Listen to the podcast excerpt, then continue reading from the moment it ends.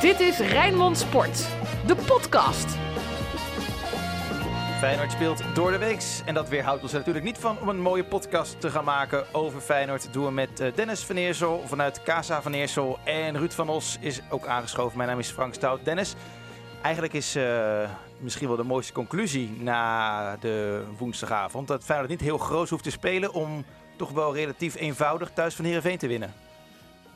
Nee, en weet je waar dat door komt, denk ik? Uh, doordat Arne Slot, er ligt heel veel, ik heb het al vaker gezegd, er ligt heel veel focus op zijn aanvallende spel, hè, de manier van druk zetten. Maar ook hij is gewoon iemand die is begonnen uh, met, uh, samen met Arne om de juiste verdedigers te halen om te zorgen dat Feyenoord achterin niet te veel kansen weggeeft. Want hij kent als geen ander de risico's ook van zijn, van zijn speelwijze. Ja, en als je zo goed verdedigt zoals Feyenoord al bijna het hele seizoen doet, ja, dan, uh, dan ga je heel veel wedstrijden winnen. Rood, wit, bloed, zweet. Geen woorden maar daden. Alles over Feyenoord. Ben je het eens met de, de wijze woorden van uh, collega Van Eersel, Ruud? Al, altijd. Ja, dat snap ik. Maar uh, het, is, het is mooi om te zien inderdaad dat de grootste prestatie van zondag gevolgd werd gewoon door een degelijke overwinning op, op woensdag. Dat is wel eens anders geweest in de, ja, in de, in de recente geschiedenis van Feyenoord. En het was helemaal niet altijd even goed hè?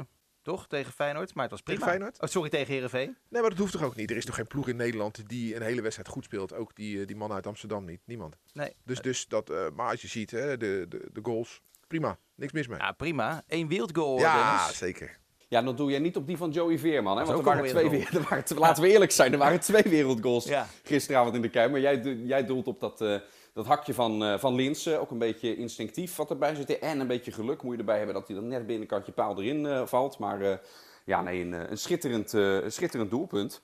En uh, ja, een, een, mooi moment ook op, waar we op die viel. Want vlak daarvoor, uh, dat vergt ook wat mentale kracht, wordt, wordt die 2-0 van Feyenoord van Jaanbaks wordt natuurlijk terecht afgekeurd. Dat en dan weer later lang, is het alsnog 2-0. Ja, terwijl het, ja, dat, daar blijf ik me over verbazen. Hè? Want heel vaak zie je het eigenlijk al bij de eerste herhaling, zie je het al.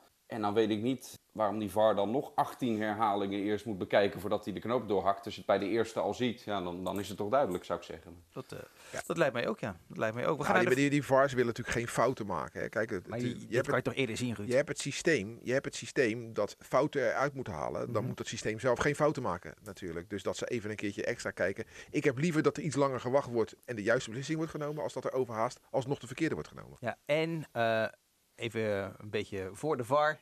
Ik heb het idee dat het wel goed gaat eigenlijk in Nederland dit seizoen Tuurlijk. de Eredivisie. Kijk, in Nederland hebben we altijd wat te klagen. Dus, dus dat, dat, dat, dat is geen referentiekader. ook? dat is geen referentiekader. Het, het gaat gewoon uh, een stuk beter dan uh, vier jaar geleden toen we nog geen VAR hadden. En we iedere, iedere studio voetbal, FC Rijnmond, een uh, VI, maar zaten te klagen over die fouten die de scheidsrechters maakten. Ja, dat is nu gewoon een stuk minder. Ja. We gaan naar de VAR. Maar ik hoor jou nu net zeggen, ik hoor jou nu net zeggen Ruud, van uh, de VAR is ook bedoeld als systeem om die fouten eruit uh, te halen. maar zolang mensen denken, ook daar blijft het mensenwerk. Als, als de gedachte is, de, uiteindelijk gaat de VAR ervoor zorgen dat er geen enkele foute beslissing meer wordt, wordt genomen. Nee, dat is, dat is de utopie. Daar, daar is de discussie, de discussie over de VAR leidt steeds op als, als ondanks de VAR dat er toch een fout ja, wordt maar, gemaakt. Maar, maar zonder ja, de ik VAR... denk dat dat... Ik, ik weet dat het niet hoor, maar... veel meer, natuurlijk. Ik, kijk, inderdaad, ik weet niet, ik, ik noem maar wat. Zonder de VAR waren, was de foutenmarge 10%. En met de VAR is de foutenmarge 2%. Heb je toch 8% gewonnen. Weet je wel, zo, zo moet je het zien. Dus natuurlijk zullen altijd nog uh, fouten worden gemaakt. Maar wij zeiden als journalisten altijd: van ja, uh, Nijhuis maakte een fout, maar wij kunnen makkelijk praten. Want wij kunnen zes herhalingen zien. En dat kan Nijhuis in het veld niet. Nou, dat kan tegenwoordig dus wel met hulp van de VAR. Allemaal leuk en aardig uh, de VAR, maar we gaan het lekker hebben over Feyenoord. De Feyenoorder van de week. Is het nou zo, Dennis, omdat Linse die wereldgoal maakt, dat jij hem ook uh, wil uh, benoemen als Feyenoorder van de week? nou ja, Til, Til maakt er twee, dus dan zou je eerder weer bij, bij hem ook uit uitkomen dan. Hè? Maar het is, wel, het is wel mooi voor Linsen dat hij, die was natuurlijk buiten de basis gelaten tegen PSV. Die staat er dan nu weer in. Terwijl Dessers ook hartstikke goed invul in Eindhoven. Het was wel een uitstekend moment voor Linsen om, uh, om een goede wedstrijd te spelen. Want dit is wel zo'n, zo, dit kan uiteindelijk zo'n bepalend moment zijn. Hè? Stel hij had teleurgesteld gisteravond. Dessers komt erin en, en die maakt deze goal. Dan kunnen opeens die verhoudingen kunnen toch wat gaan, uh, gaan verschuiven. Ja, collega ik denk wel dat met zijn optreden van gisteren. Over Dessers in de basis hoor. Ja, daarom. Dus, en, en met een optreden zoals nu heeft Linsen denk ik toch weer even wat krediet dat hij de, de puntaanvaller in de basis uh, blijft wanneer ze dit systeem spelen. Jij Ruud, wie is jouw Feyenoorder van de week? Ja, kan er maar één zijn. Arne Slot. Ja, maar die kunnen we dan iedere week Ja, al, maar uh, ja, uh, ja, sorry, de Feyenoord van de week is geen prijsje die we rond laten gaan in de groep. Zo van, heb jij hem nog niet gehad, dan krijg jij hem. Nee, het gaat erop op basis van mensen die bijzonder presteren. Ja, als je dan Arne Slot ziet hoe hij dan afgelopen zondag het laat gebeuren bij Feyenoord. Hè, met de verrassende opstelling, met de, de valse spits Til. En dan nu weer terugschakelt en met alle plezier weer Linsen brengt. En, uh, en Til die weer scoort. Linsen die ze, dat hakje mooi maakt. Arsens nu op de bank die, die invalt. Weet je wel, er is, het, het, is, het lijkt voorlopig, en dat heeft ook met de resultaten te maken, dat weet ik wel. Maar ook met zijn duidelijke aanpak. Het is gewoon one big happy family. Nou, dat is gewoon jaren geleden dat dat was bij Feyenoord. En uh, dat moet je koesteren zolang het duurt. Want tuurlijk gaat er een moment komen dat Feyenoord tegen een zeepert aanloopt. Want uh, het lijkt me sterk dat Feyenoord nu uh, de rest van de, van de competitie alleen nog maar gaat winnen. Er gaat natuurlijk wel een zeepert nog een keer komen. Maar voorlopig heeft die slot het gewoon heel goed voor elkaar. En hij vond ik vond de onderbouwing, Ruud, vond ik ook zo, zo mooi hè, tegen PSV. Want we hebben in het verleden wel eens gezien bij Feyenoord, er waren trainers. En dan had je het gevoel, ze stellen bijna wekelijks dezelfde elf op. Uh, en het is ook een beetje toevalsvoetbal. Hè? Waar wordt nou op getraind? Wat is de gedachte? En slot kan het ook. Misschien hadden die trainers het ook wel degelijk, maar konden ze het ook niet goed verwoorden. Hè? Dat zou ik ze nog mee willen geven. Maar slot die kan het ook zo uitstekend verwoorden. Als hij dan het tactisch plan tegen PSV ernaar vertelt. Hè? Eh, PSV had donderdag nog gespeeld. Ze wilden ze juist heel veel meters laten maken. Daarom die lange ballen, extra middenvelden erbij. Uh, uh, om zo die afvallende bal te hebben, zodat PSV maar moet blijven lopen, blijven lopen. Ja, ik vond die onderbouwing vond ik ook zo goed en zo sterk. Omdat je, hè, dan ga je die wedstrijd daarna nog nog een keer terughalen. Dan denk ik, ja, het klopt inderdaad ook. Dat, dat zag ik ook, wat hij uh, na afloop zegt. Ja, het is echt, hè, de, de, grap is al meerdere keer gemaakt. Het is de hand van slot, hè, in plaats van de hand van God. Weet je, alles wat hij nu aanraakt verandert in goud. En hij weet het ook nog eens goed te onderbouwen. Lijkt me vreselijk om met die man getrouwd te zijn. Want je zal maar een discussie met je man hebben. En die, die man heeft gewoon altijd gelijk. Nee, maar hij, hij, wat hij doet, dat weet hij gewoon goed dat is te verwoorden.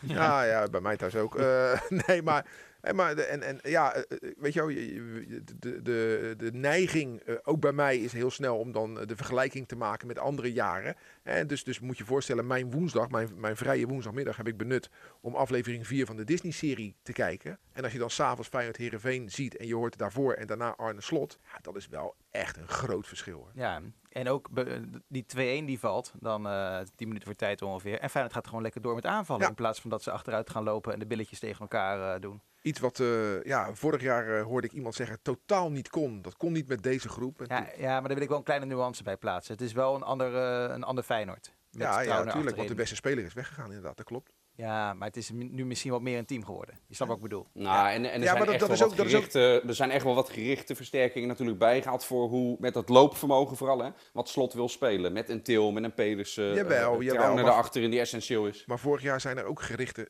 versterkingen gehaald. Alleen, die deden het niet, hè, eh, Diemers. Prato. Ja. Nou, die waren, die waren ook de versterkingen van toen. De spelers die advocaat wilden, waren natuurlijk ook gericht op de wijze zoals hij wilde precies. spelen. En, en laten we, uh, de, de, één ding wil ik dan toch nog uh, voor advocaat wel ook zeggen. Hij nam het over. Dat, dat half jaar wordt nu bijna vergeten. Hij nam het over van Jaap Stam. Dat was natuurlijk, uh, dat ging helemaal mis. Die ook zo aanvallend wilde spelen.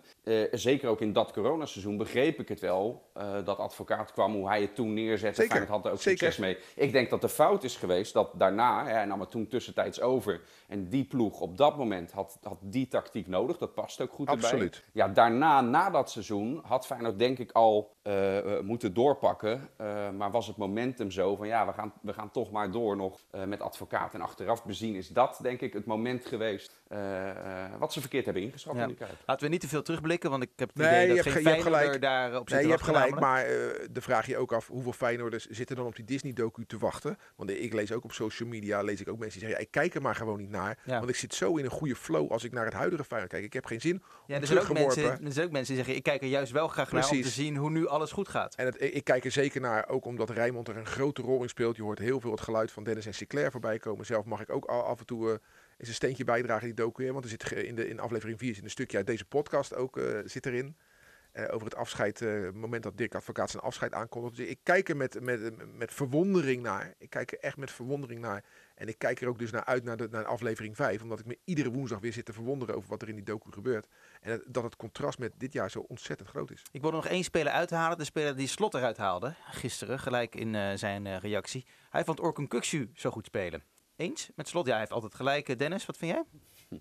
Nou, kijk, Kuksu is wel een speler. Het hangt er vanaf ook naar welke gegevens je kijkt van hem. Als wij nog steeds de verwachting hebben, wat we ooit dachten toen hij richting dat eerste elftal ging. Hè, zeker toen hij uit bij Emma, hij pikte meteen zijn goal mee. En dat deed hij uh, ook in die Champions League campagne van de onder 21 deed hij dat. Als we denken, dit is een, een middenvelder met veel scorend vermogen en die zelf direct de assist geeft. Als we hem langs die lat gaan blijven leggen uh, dan zullen we nog heel vaak heel kritisch op hem zijn. Want ik kom langzaamaan wel tot de conclusie van, ik denk niet dat dat erin zit. Hij gaat nooit een veelscorende aanvallende middenvelder zijn. Wat ik wel zie, uh, is dat hij, als hij net iets meer teruggetrokken speelt als, als spelverdeler, uh, de bal even bij zich houden, dan richting de flanken, dus aan de, aan, zeg maar de voorassist, daarin is hij vaak wel belangrijk. Um, um, dus hij is echt niet zo, zo matig als dat ik soms her en der lees.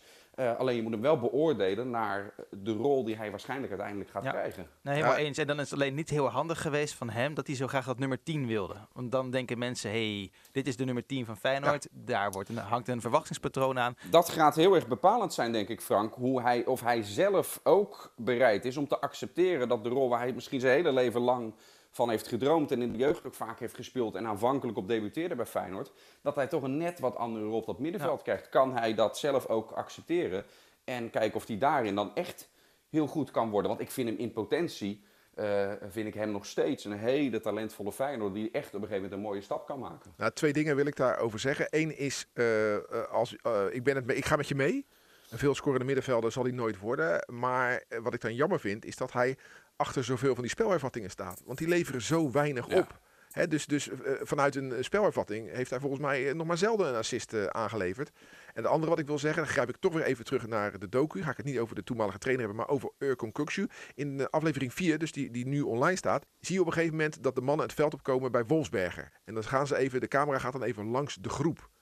Dan zie je gewoon heel goed dat toen, ik zeg niet nu, maar toen, Kuksu gewoon te dik is hij heeft de grootste broek aan. Waarom? Als passen komt er gewoon niet in. Dus je ziet gewoon daar uh, tien man atleten staan. En één man gewoon met te veel kilo's aan zijn, aan zijn lichaam. Nou, daar heeft hij aan gewerkt. Hè? Dat heeft hij zelf aangegeven. Hij heeft ook zelf aangegeven dat hij met wat ik nu zeg, dat hij het daar ook mee eens is.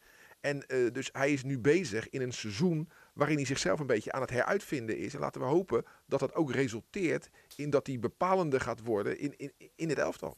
Voordat we naar archief Feyenoord gaan, Dennis, uh, nog een klein nieuwtje over Feyenoord City. In elk geval dat het weer uitgesteld is. Dat is, mm. is die datum nou definitief bekend wanneer we een ja of een nee horen of niet? Nee, nee, ik wil dat wel even uh, nuanceren ook. Kijk, uh, wat er gaat spelen is. De bedoeling was dat, dat in december uh, dat ook politiek gezien zeg maar, daar een, een, besluit genomen wordt. Ja, die stelde een deadline, hè, de politiek. Exact, ja. Dat, dat was het verhaal. Alleen toen werd al opgetekend, stond ook in ons artikel op Rijnmond.nl destijds al, dat zelfs vanuit, vanuit Leefbaar, die heel hard zeiden van dit moet echt een harde deadline zijn, de dag daarna, waar, uh, was, was, bij, was bij, zelfs bij hun was die deadline alweer wat vloeibaar, omdat er ook nog een zaak dient bij de Raad van State. Uh, de signalen die wij krijgen is dat die uitspraak kan er richting eind december zijn, maar het zou ook zomaar in januari kunnen, uh, kunnen worden. Zo werkt het in de politiek. Ja, dan zelfs leefbaar ook zeiden bij ja, als, het dan, hè, als dat dan drie weken later is, eh, daarop laten we het dan niet klappen. Niet. Dus eigenlijk dat het in januari waarschijnlijk zou zijn, dat was eigenlijk al bekend. Uh, en ik hoor zelfs signalen dat het eventueel zelfs richting begin februari zou, zou maar... kunnen gaan. En het is niet zo dat, dat er dan wordt gezegd van nee, die deadline was keihard, december was het. Uh, dat is dus niet het, niet het geval. Nee, we zijn bezig met een project van een half miljard een project van een half miljard laat je niet op één of twee maanden stuk lopen. stel nou dat, uh, weet ik het, eind januari blijkt dat uh, in de financiering er nog twee grote klappen genomen moeten, moeten vallen. En die vallen eind februari, dan, dan gaan ze echt tot eind februari wachten. Dat is echt geen keiharde deadline met zulke grote, zulke hoge bedragen. Het zou wat zijn zeg. Dat de politiek zegt, nee, we, we, doen het niet. We trekken de stekker eruit. Wij gaan geen 40 miljoen aandelen kopen. En dat dan de volgende dag bekend wordt dat er een grote financier erin stapt. Nee, natuurlijk, zo werkt het niet. Dat, dit kan echt nog wel in, uh, om in de, de slottermen te spreken, in uh, Q1 van 2022 ergens zijn beslag ja. krijgen. En dan moet je gewoon niet op een dag of een week kijken. En vergis je niet, het zou ook nog steeds toch echt kunnen dat het al eerder dan dat moment, dat de conclusie al getrokken wordt. Ook uiteindelijk door Feyenoord zelf, waar heel veel supporters ook toe oproepen. Die zeggen, ja kijk naar alle gegevens, waarom ga je er in hemels nog maar, nog maar mee door? Het is trekken aan een dood paard. Want wat je zegt, die financiering is nog steeds niet rond. Zeker het gedeelte van de, van de vrienden aan de Maas. Hè. We weten allemaal uh, wat daar ook omheen heeft gespeeld met de bedreigingen, met de intimidaties. Dus dat geld is nog steeds niet rond. En het hete hangijzer, uh, waar we al eerder over hebben bericht, de bouwkosten.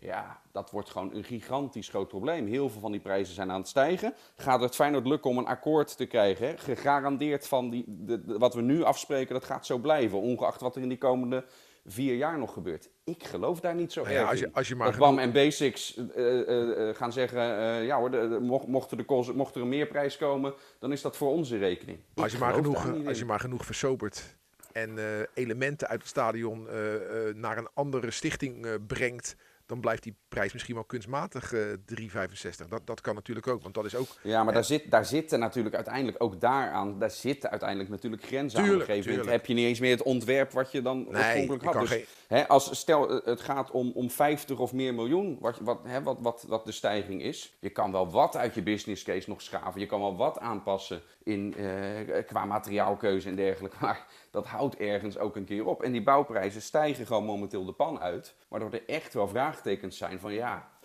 eh, gaat, dit, gaat dit nog lukken? Maar wat, wat ik me van de week ineens zat te bedenken. Hè, ehm, kijk, de, ik vraag me af of, als, of de gemeente er nog wel uit kan. Want de gemeente heeft de grond gekocht onder het stadion. 60 miljoen die geven ze uit in erfpacht.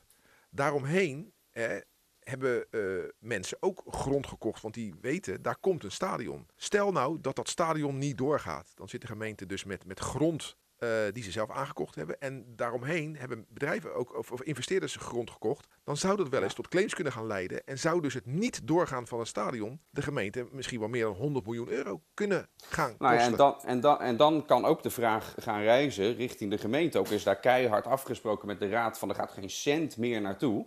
Even met de rekensom die jij maakt. Stel met al die claims kost het meer dan 100 miljoen. Als het uiteindelijk niet doorgaat. En uh, die bouwkosten, uiteindelijk heeft Feyenoord, weet ik veel, het is 30 miljoen meer. En Feyenoord klopt opnieuw bij de gemeente aan, linksom of rechtsom. Ja, ja dan, moet, dan zou ook daar de afweging moeten worden gemaakt, houden we ons aan onze principes? Maar ja, van principes kun je niet eten. Uh, en, en, betalen we dan die claim van, van, uh, van iets met drie, drie cijfers? Of gaan we toch schipperen en, en nog wat meer geld richting Feyenoord geven om het rond te breien? En dat is de, reden waarom, ik, worden. dat is de reden waarom ik denk dat dat stadion er gewoon komt. En jij denkt ook, Dennis? dat gaat komen? Ja, omdat dat, ja, ik voel gewoon heel erg dat er uh, heel veel mensen is er alles aan gelegen dat het er uiteindelijk komt. Maar is het dan heel kort? Alleen, is alleen ik kijk, alleen ik kijk ook ja, dat hangt uiteindelijk dus af voor wat blijft er over van die business case. Hoeveel moet Feyenoord daar uiteindelijk aan schaven om die hogere bouwkosten, om eventueel een financiering die niet rond... Nou, dan heb je sowieso een probleem, dat moet gewoon rond, rondkomen. Ja, je moet dicht bij die business case blijven. Daar zitten al heel wat aannames in waar ik nou, op zijn zachtst gezegd mijn twijfels bij heb of die nou zo realistisch zijn in de praktijk. Ja, als je zelfs in die business case alweer gaat schaven en het wordt minder, ja, dan levert het de club niet meer op wat, uh, wat nodig is. En dan, uh, dan zou je het eigenlijk niet, uh, niet moeten doen. Nee, maar ik heb zelfs al horen zeggen van joh, als we 17,5 miljoen ophalen, dan hebben we net zoveel als nu. En toen hoorde ik niemand bij Feyenoord zeggen, dan doen we het niet. Nee, dat was misschien wel een argument, wat maakt het dan uit? Dus, dus ja, wat ik zeg, ik, ik, denk dat het er gewoon gaat komen, dat stadion. Ook omdat de gemeente gewoon niet meer terug kan. Er is, daar is daar zoveel in werking gezet om het nieuwe stadion heen. Daar, dat, wat, wat gaat daar dan mee gebeuren? Dus, dus ik denk dat het point of no return al gepasseerd is. De laatste minuten van de podcast gaan we het hebben over Feyenoord tegen NEC. FC Rijnmond, archief. Zaterdagavond, een wedstrijdje. Ruud, wat is jouw uh, Feyenoord-NEC-moment? Nou, ik heb geen wedstrijd uitgekozen, ik heb een speler uitgekozen. Ja, ik uh, denk dat ik het wel weet. Wie dan? Patrick Pothuizen. Nee. Oh. Nee, nee. Um, aan wie ik moest denken bij Feyenoord NEC, niet zozeer van tegen elkaar, maar van Feyenoord en NEC, is Pieter Kolle. Oh. Pieter Kolle was natuurlijk een, eh, een jonge Belg die via uh, agent bij Vitesse terechtkwam en uiteindelijk bij NEC. En is inmiddels 41 jaar, maar uh, toen aan het begin van, van de eeuw in de, in de kracht van zijn leven zat. En door Feyenoord werd gehaald na een goede wedstrijd van Kolle tegen Feyenoord. En uh, ja, het is hem nooit geworden. Helaas, blessures speelden een rol, maar ook zijn gedrag. Hè, zat vaker in de baia dan in het krachthonk.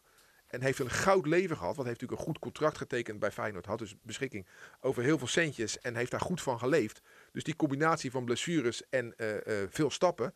Hè, het een zal ongetwijfeld met het, met het ander te maken hebben. Heeft ervoor gezorgd dat hij naar Feyenoord werd verhuurd aan NAC. Toen weer terugkwam naar Feyenoord. Toen weer naar NAC ging. Toen weer naar Feyenoord. Toen naar Sint-Truiden. Toen naar Cambuur. Toen naar Beveren. Toen naar Brisbane. En uiteindelijk eindigde bij Excelsior Sluis. Waarom vertel ik dit? Omdat ik laatst ging ik bij Sparta cricket kijken in Capelle. En uh, ik liep de kantine in om wat te drinken te halen. En wie stond er achter de bar? Pieter Kolle. Oh. Achter de bar bij Sparta Cricket. Ik weet het niet. Hij had het druk. Ik heb het ook niet met hem over gehad. Even een uh, begroeting en hoe is het met je? Meer niet. Maar ja, dus toen het Feyenoord NEC van aanstaande zaterdag uh, eh, 9 uur te sprake kwam, moest ik ineens aan hem denken. Ja, zo, echt zo'n vergeten en verloren naam. Ah, maar hij woont hier dus nog steeds. Dus, ja. Oké, grappig. En jij Dennis? Bekerfinale 94, even een quizvraag voor, voor jullie. Feyenoord won natuurlijk met 2-1. Heus aan een strafschop van Loen. Die heb jij uh, niet al te lang geleden nog opgezocht, Frank. Dus dat wist je ook nog wel. Wie maakte de goal namens NEC? Ah, ik, heb het, ik, heb, ik heb het gezien. Die, ik heb die, die repel gemonteerd natuurlijk. Anton Jans of zo? Nee, ik weet het niet. Uh, Wat ik wel weet is dat NEC een hele lelijke witte shirt met het merk Steps ja, speelde. En Feyenoord in het groen, hè? Ja, klopt. Nou, dat, dat had ik het in een andere podcast ook al over. Daar begrijp ik dus helemaal niks van. Dat je een bekerfinale speelt en heb je een van beide partijen speelt allebei, in een thuisshirt. Allebei in een uitshirt spelen. Daar snap ik helemaal niks van. Lood gewoon. Speelt Feyenoord thuis? Prima. Feyenoord in het thuistenu. NEC past zich aan of andersom. Maar dit leek helemaal nergens op. Groen tegen wit. Ik weet het niet, eh, Dennis. En ook omwille van de tijd ga ik ook niet heel lang over nadenken. nou, het, het was Benny Dekker. Ja, ja, ja, ja. Ik, ben niet, ik ben niet lekker. Benny Dekker. Benny Dekker. Is dit... Uh, en zijn, zijn Wikipedia-pagina zegt dat hij tegenwoordig ondernemer is. Hij heeft nu een kledingwinkel in kinderkleding. Kijk. Vingino is zijn eigen kleding. Dat is wel bekend. Zo, die is die wel aardig rijk geworden, Zo, uh, Benny Dekker. wel lekker geboerd. Uh... Ben wel lekker, hoor. Ja, dus jij kan nu een beetje, jij kan nu een beetje met Dedin praten over, over Benny Dekker. Maar uh, dat is volstrekt ongepast, automatenplukker. Nee, dat klopt. Nou, uh, Benny Dekker, maatje, maatje 96 of 108. Ik doe nooit de, de kleding voor de dochter, maar uh, die kan even ja. zo'n Vingino shirtje opsturen. Hoor. weet, je welke ploeg, weet je welke ploeggenoot van die bekerfinale het, het beheer doet van al die, al die kleding? Erik Stok. dat is een hele slechte grap dit zeg. Jezus. Ik zie zijn naam nu erbij staan. Maar uh, Feyenoord NEC hè, in de lijn van dus, dus uh, PSV Feyenoord.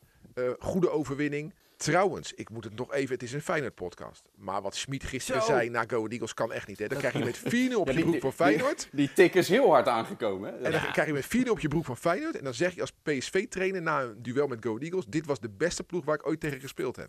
dat vind ik zo zuur. Dat vind ik zo klein.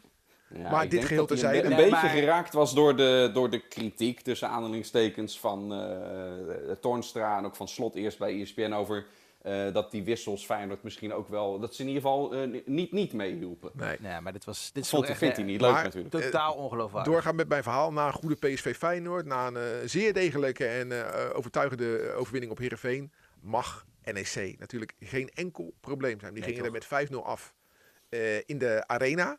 Ik heb ze gezien vorige week vrijdag op het kasteel tegen Sparta. Waren ze beter? Ik vond ze beter dan Sparta spelen. Het werd 1-1. Ook Kita maakte een goede indruk. Vond die Ali Akman wat minder. Maar voor dit Feyenoord mag dit NEC geen enkel probleem zijn. Natuurlijk niet. dit, dit, wordt gewoon weer uh, een 3 nulletje of zo, toch Den? Lijkt me wel, toch? Nou, helemaal goed. Dan gaan we daarmee, uh, gaan we daarmee afsluiten. Uh, dit keer wel een persconferentie in aanloop naar Feyenoord NEC. Dat was niet het geval richting Feyenoord Herenveen. Nu wel, dus dat kan je allemaal vrijdag zien op Rijnmond.nl. Ook in FC Rijnmond. Ali Boussabon is te gast. En dan hebben we lekker zaterdagavond weer een, een fijne radio-uitzending met Dennis en Sinclair in de Kuip. Oftewel, die gaan uh, die drie doelpunten minimaal van vakkundig geschreeuw voorzien. Dankjewel Ruud. Doet de koptelefoon af. Dennis, jij uh, fijne, fijne dag daar weer in, was het nou Vlaardingen of Schiedam? Ik weet het niet eens. Een beetje op de, op de grens toch? Grens? Vlaardingen. Vlaardingen, heel goed. Nou, doe Bassie en Adriaan dit, goed. Dit moet, niet, dit, moet niet, dit moet niet uitlekken. Nee, nee, nee. nee, ik, kom uit, ik kom uit Schiedam. Ik ben overgelopen richting Vlaardingen. Dat is, echt, Oeh, dat is gevaarlijk. Dat is, dat is hetzelfde als dat je bijvoorbeeld de aanvoerder van Feyenoord bent en je gaat richting daar. Dat is ondenkbaar. Nee, nee. Ja, gelukkig heb jij geen voortuin, toch? Waar al die mensen in kunnen gaan staan. Dankjewel. Hey, uh, ga lekker opruimen thuis, Den. Ga wat leuks doen. En uh, bedankt voor het luisteren. Tot de volgende podcast. Hoi, hoi. Yo. Dit was Rijnmond Sport, de podcast. Meer sportnieuws op Rijnmond.nl en de Rijnmond app.